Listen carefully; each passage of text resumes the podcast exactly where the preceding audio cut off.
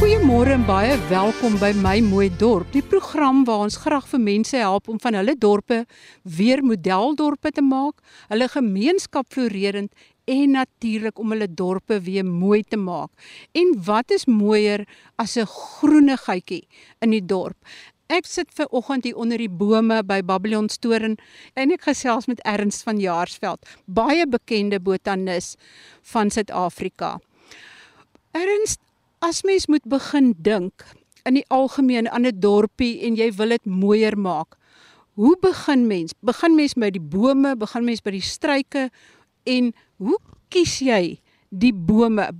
Kies jy die bome wat bekend is aan daai omgewing of kies jy bome wat vir jou mooi is? Marie, ons het so wonderlike groot land, maar dit is so 'n wêreld in een land. Jy het soveel verskeidenheid streke En elke streek is verskillend. Byvoorbeeld die ou Bosveld streek in die noorde met sy mooi krimetarbome, doringbome, hardekool. Dan gaan jy op na die Bankenveld en dan weer die Hoëveld met sy eie soorte geplante. By elkeen van hierdie dele van ons land verskil die klimaat drasties. So daarom is dit altyd beter om plaaslik inheems aan te plant. As ons byvoorbeeld uh, oor see reis in uh, Suid-Amerika waar ook al, wil ons graag iets tipies van Suid-Amerika sien in hulle dorpe en net so mense wat hiernatoe kom toerisme. Dit bevorder toerisme as ons plaaslik inheemse plante aanplant. Natuurlik mense moet altyd kies in hierdie sewe biome wat ons het min of meer. Elkeen het maar sy eie soorte geplante, maar ek sê altyd kies die beste uit jou streekse bome of ander plante ook natuurlik en plant die aan. Dan kan jy die karakter uitbeeld van die omgewing. Ek sou dink 'n mens moet begin maar by jou bome en natuurlik die munisipaliteite moet eers 'n uh, uh, parke aanlê en natuurlik as straatbome ook. Ek sien in soveel dele van ons land word altyd net uitheemse bome aangeplant. Maar ek's daarom bly deesdae word meer en meer inheemse ook aangeplant. So ja, as elke of dit nou straatboom is of dit nou 'n park is, ek dink mens moet begin uit die mooiste bome van elke streek en op hulle te vestig. En dan kan mens later oorgaan na die struike en so aan. Maar dit is jou raamwerk en, en ek dink die initiële beplanning is maar altyd om eers 'n lys van plante te maak te begin mee.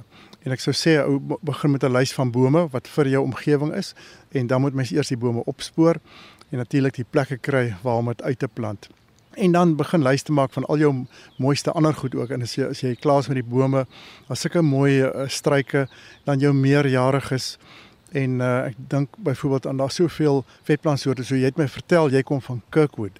Dis nou Kirkwood is dit is natuurlik spekboomveld, tipiese Oos-Kaap. En daai streek het 'n ongelooflike ryk verskeidenheid van plante groei. So ek dink veral aan die aan die aan die spekboom self meen dit is dis ongelooflik. Hy kom voor in 'n deel waar jy baie keer plante met vreeslike dorings kry.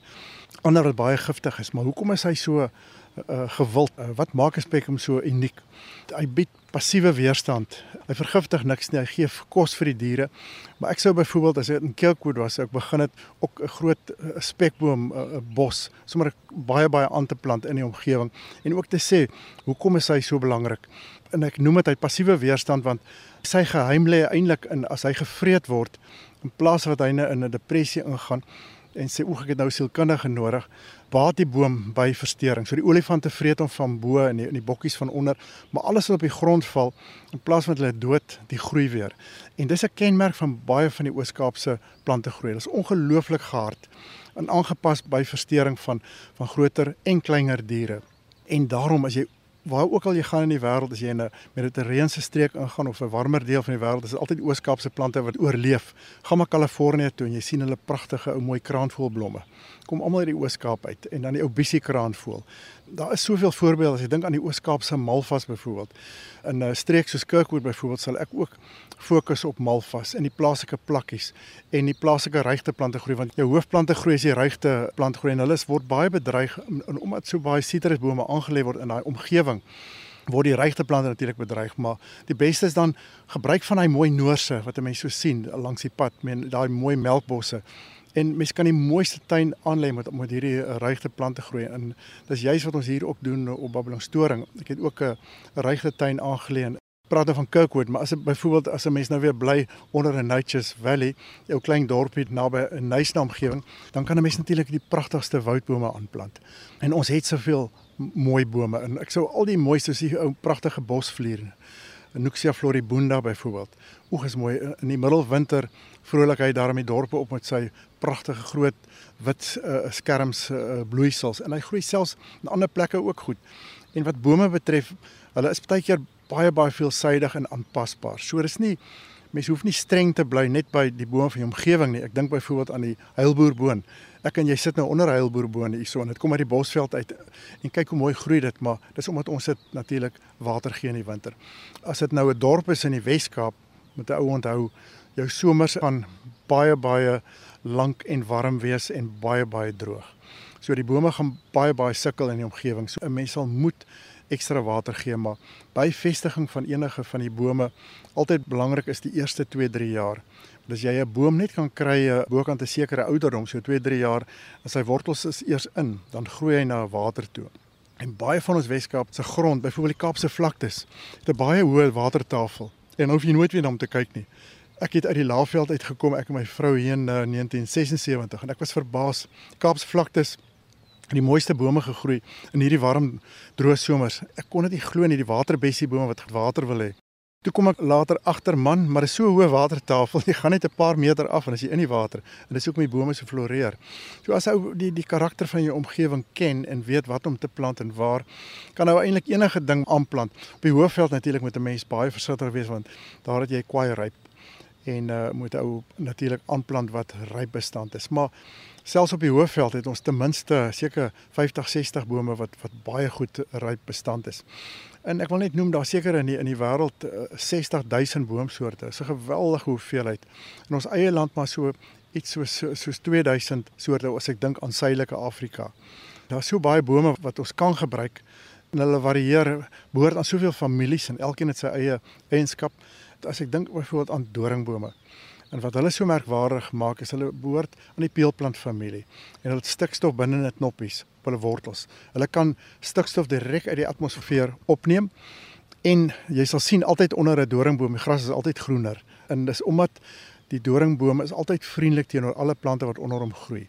So doringbome is so deel van ons land. As ek dink aan soedoring, kom oral in ons land voor. So dis 'n boom wat baie meer gebruik moet word. In sy naam is soedoring nie as gevolg van sy soet blomme reuk nie, maar die soet gom van sy stam. En as kind het ek dikwels die gom geëet. En partye van hulle se gom is baie lekker. Die gom is natuurlik as gevolg van 'n sekondêre ding. Jy het kewers moet met rispers en die rispers boor in die stam en dit is die manier van die boom vir die risper te sê kyk ek gaan jou blok vir die rispers, maar tog doen hulle dit en dan peel die pragtige gom uit en is gewoonlik uh, deursigtig en is is, is heerlik soet. Maar om terug te keer, hoekom maak die boom dit so vriendelik vir goed onder hom? Dit is as as daai gras onder hom groei en is so groen, dan uh, sien die plaaslike bokkies in die omgewing dit. Dan kom wy hulle daar.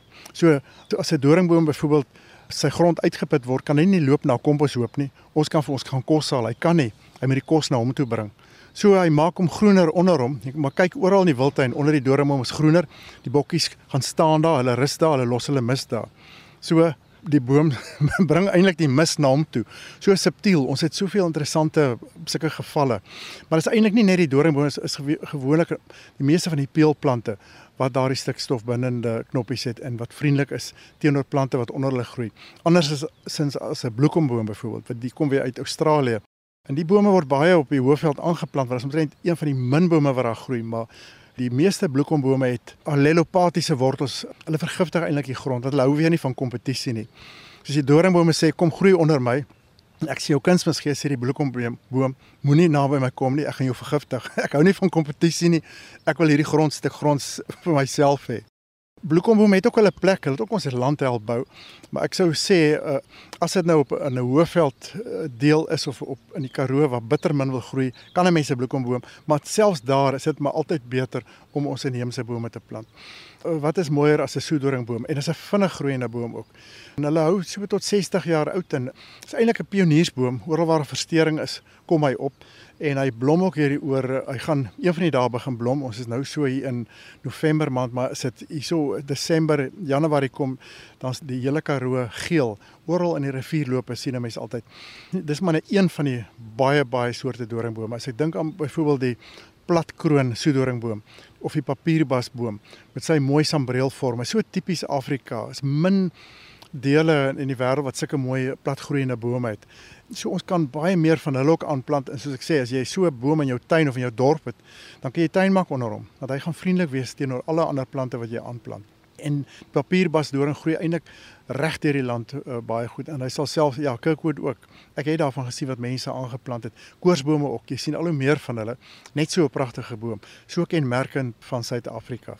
En as ek dink oor die boerboon waaronder ons, ons nou sit, hulle blom weer lente as hulle nou 'n vol blom is jong dan hoor jy net uh suikerbekkies. En dit is nie net suikerbekkies nie want gou-gou kom die insekvreemde voëls ook want daar kom gewoonlik insekte word ook aangelok na die uh, rooi blommetjies. Ja, dan word die insekte aangelok en soos hulle kom dan bied dit nou weer kos vir hierdie vrugtevretende voëls. En as ek dink aan die Karoo met sy mooi uh, guariboom en die ou mooi die pragtige uh, dopruim Papaya capensis Engels word hy genoem jacket plum. Hy's eintlik baie naverwant aan die litchi. Hy's 'n klein litchietjie, jy kan hom eet ook, is heerlik. Karoo is vol van hom. So en dan ons natuurlik die Karoo boerboon, verwant aan die aan die Bosveld boerboon, ook bloedrooi blomme in die somertyd. En dan die ou ou guarri bome is maar is maar 'n kleinerige boom, maar baie baie gehard in 'n pragtige pragtige boom. Weet nie wie kan hoor die die mytjie koekoek wat nou so mooi gefluit het hier so in die in die veld ons het so 'n geweldige verskeidenheid en ek dink in die ou krametarbome, byvoorbeeld Musina, is nou 'n dorp wat 'n mens kan dink daar is nou 'n plek om krametarbome aan te plant. Maar enige van daai Noord-Transvaalse dorpe in Louis Trichardt is natuurlik ideaal vir krametarboom. En dit sou wonderlik wees. Gaan nou na die Weskus toe, byvoorbeeld Springbok. Sou ek sê die beste is. Ek kon nie verstaan nie, weet jy maar hier so baie jare terug was ek Springbok toe en hulle wou gaan palmbome aanplant langs die strate ek skryf toe vir die munisipaliteit. Ek sê vir hulle man, julle sit hier met een van die mees spesiaalste bome in ons land, die kokerboom. Wat is mooier en is, en as iemand na julle dorp toe kom, kan dit bekend word as die kokerboom dorp van Suid-Afrika, want dit is dis kokerboom wêreld. En hulle groei nie so stadig nie en is maklik om te kweek en dikwels is hulle in die pad en in plaas van dat mense hulle uitstoot gaan druk hom net in en begin dit as 'n straatboom. Dit sal absoluut uniek wees en jy sal toeriste kry van heide en verre wat kom kyk na hierdie mooi kokerboomstad. So ek hoop nie net daar nie, byvoorbeeld Loriesfontein, al hierdie ou kleiner dorpies bo in die, in die noordweste en Appington en daai dele kan hulle al hoe meer van hierdie droogtebestande bome ken. Want die grasse aan die ander kant die draad lyk altyd groener vir ons. En dis hoekom as ons groot geword het in die Noord-Kaap, dan dink ek ou nie daaraan dat mense daarvan gaan kan hou nie.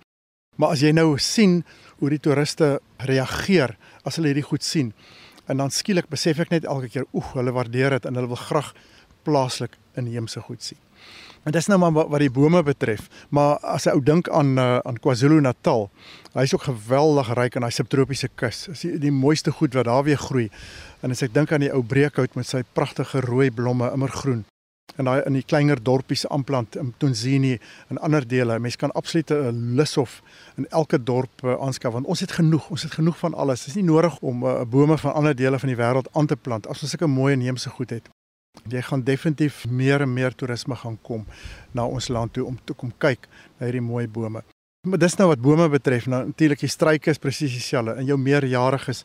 Nou kom ons met die vetplante. Suid-Afrika sit met met die rykste verskeidenheid van vetplante in die wêreld. Daar's min dele in die wêreld wat so ryk is en elke streek het sy eie soortige vetplante. En ek dink byvoorbeeld aan alwyne. Wat is meer kenmerkend? Alwyne is so kenmerkend van Afrika. Dis egte Afrika plante. So weer terug aan na Kirkwood daar by jou. Jy sal weet uh uh maar die mooiste alwyn, die ou bitter alwyn en dan die ou kraanse alwyn met sy mooi bosse rooi blomme en dan die ou boom alwyn, Alobarberry, 'n groot boom word is die wêreld se grootste alwyn en hy, en hy groei maklik. Jy kan selfs net 'n tak afbreek en indruk en jy weet sien daar groei hy. In die, in daai streke in die Oos-Kaap groei omtrent enige iets wat jy net in die grond indruk. So vrugbare omgewing is dit. Maar weer eens as 'n ou die alwen ook vestig enige van die vetplante ook net aan die begin om hulle net eers gevestig te kry. As hy eers gevestig is, is hulle self onderhoudend. En elke deel in ons land het sy eie soortige alwen. Ons het seker bykans 150 soorte as ek dink daaraan en die meeste is maar van die weer van Oos-Transvaal, maar die Wes-Kaap het ook sy eie soortige pragtige alwyne. En as hy as hy aangeplant is, het jy hom een keer in jou dorp en jy het hom altyd daar. En jy hoef hom nie weer na te gooi as hy eers gevestig is. Ek dink aan Kleinmond, die ou mooi val of die bergalwyn, Alusocotrina. Dit is ook 'n merkend van 'n omgewing en is mooi boste aan, aan die kus. sien jy mense hulle dikwels en elke dorp moet dan uitvind wat is sy tipe alwyn wat in sy omgewing uh, uh, voorkom of van sy mooiste vetplante. As ek sê in die Weskaap sou ek weer baie vygies inbring in baie van die dele en baie vir eenjariges want oek die die lente is daar mooi in die, in die Weskaap. Ek dink nie daar's 'n deel wat so mooi is as Namakoland en daai plante is maklik om te groei. Natuurlik dan jy jou lang droë somers wat volg. Maar as jy mooi karaktervolle vetplante het met hulle argitektoniese vorms, men hulle is so mooi en hulle maak op vir uh, die feit dat hulle nou nie blomme aan het en alles groen is in die omgewing nie. En ek dink aan die noorse, die verskillende nabome. Noors is maar eintlik 'n naboom, Euphorbia en uh, hulle het almal melksap. So hulle jy moet maar versigtig wees vir hulle vir die melk en as dit mense oë kom, as jy dink aan naboomspruit, as jy die wêreld van die groot ou naboom, Euphorbia ingens. En is 'n ding wat net so maklik groei in 'n omgewing en is so ook so kenmerkend Afrika. En hy hy daai mooi vorm ook, hy in die platkroon soederingboom maak sulke mooi tonele saam. Ons het sulke mooi Afrika goed plaaslik. En ons moet net begin meer en meer van die goed aanplant. Julle kon sekerlik duidelik hoor hoe passievol en kundig Dr Ernst van Jaarsveld is. Hy is tans betrokke by Babylon storing en watter fees van tuine het hy die plaas omskep. Ek gaan in die volgende paar weke met hom gesels Hy wil baie graag raad gee oor watter bome en struike jy in jou omgewing en in jou dorp kan plant om van jou dorp weer 'n mooi groen dorp te maak. En interessantheidshalwe, dit is nie nodig om alle uitheemse bome uit te kap nie, want die meeste van ons vrugtebome is in elk geval uitheems. En sommige bome kan jy laat groei deur blote tak af te sny, Maar daarvoor moet jy volgende week verder luister. Gaan kyk gerus op RSG se webblad www.rsg.co.za om weer die besonderhede te kry van Jan Oendal met wie ek verlede week gesels het, want hy werk ook saam met Erns van Jaarsveld om dorpe te verboom. En sy kontakbesonderhede is daar en hy het ook toegang tot van die staatskwekerye wat die verboming aanmoedig. Tot volgende week dan, wanneer ons weer met Erns van Jaarsveld gesels en in hierdie reeks gaan hy ook streek vir streek raad gee oor watter bome by watter dorpe die beste gaan werk en die maklikste gaan groei. Tot volgende week dan. Groete van my, Marie Hudson.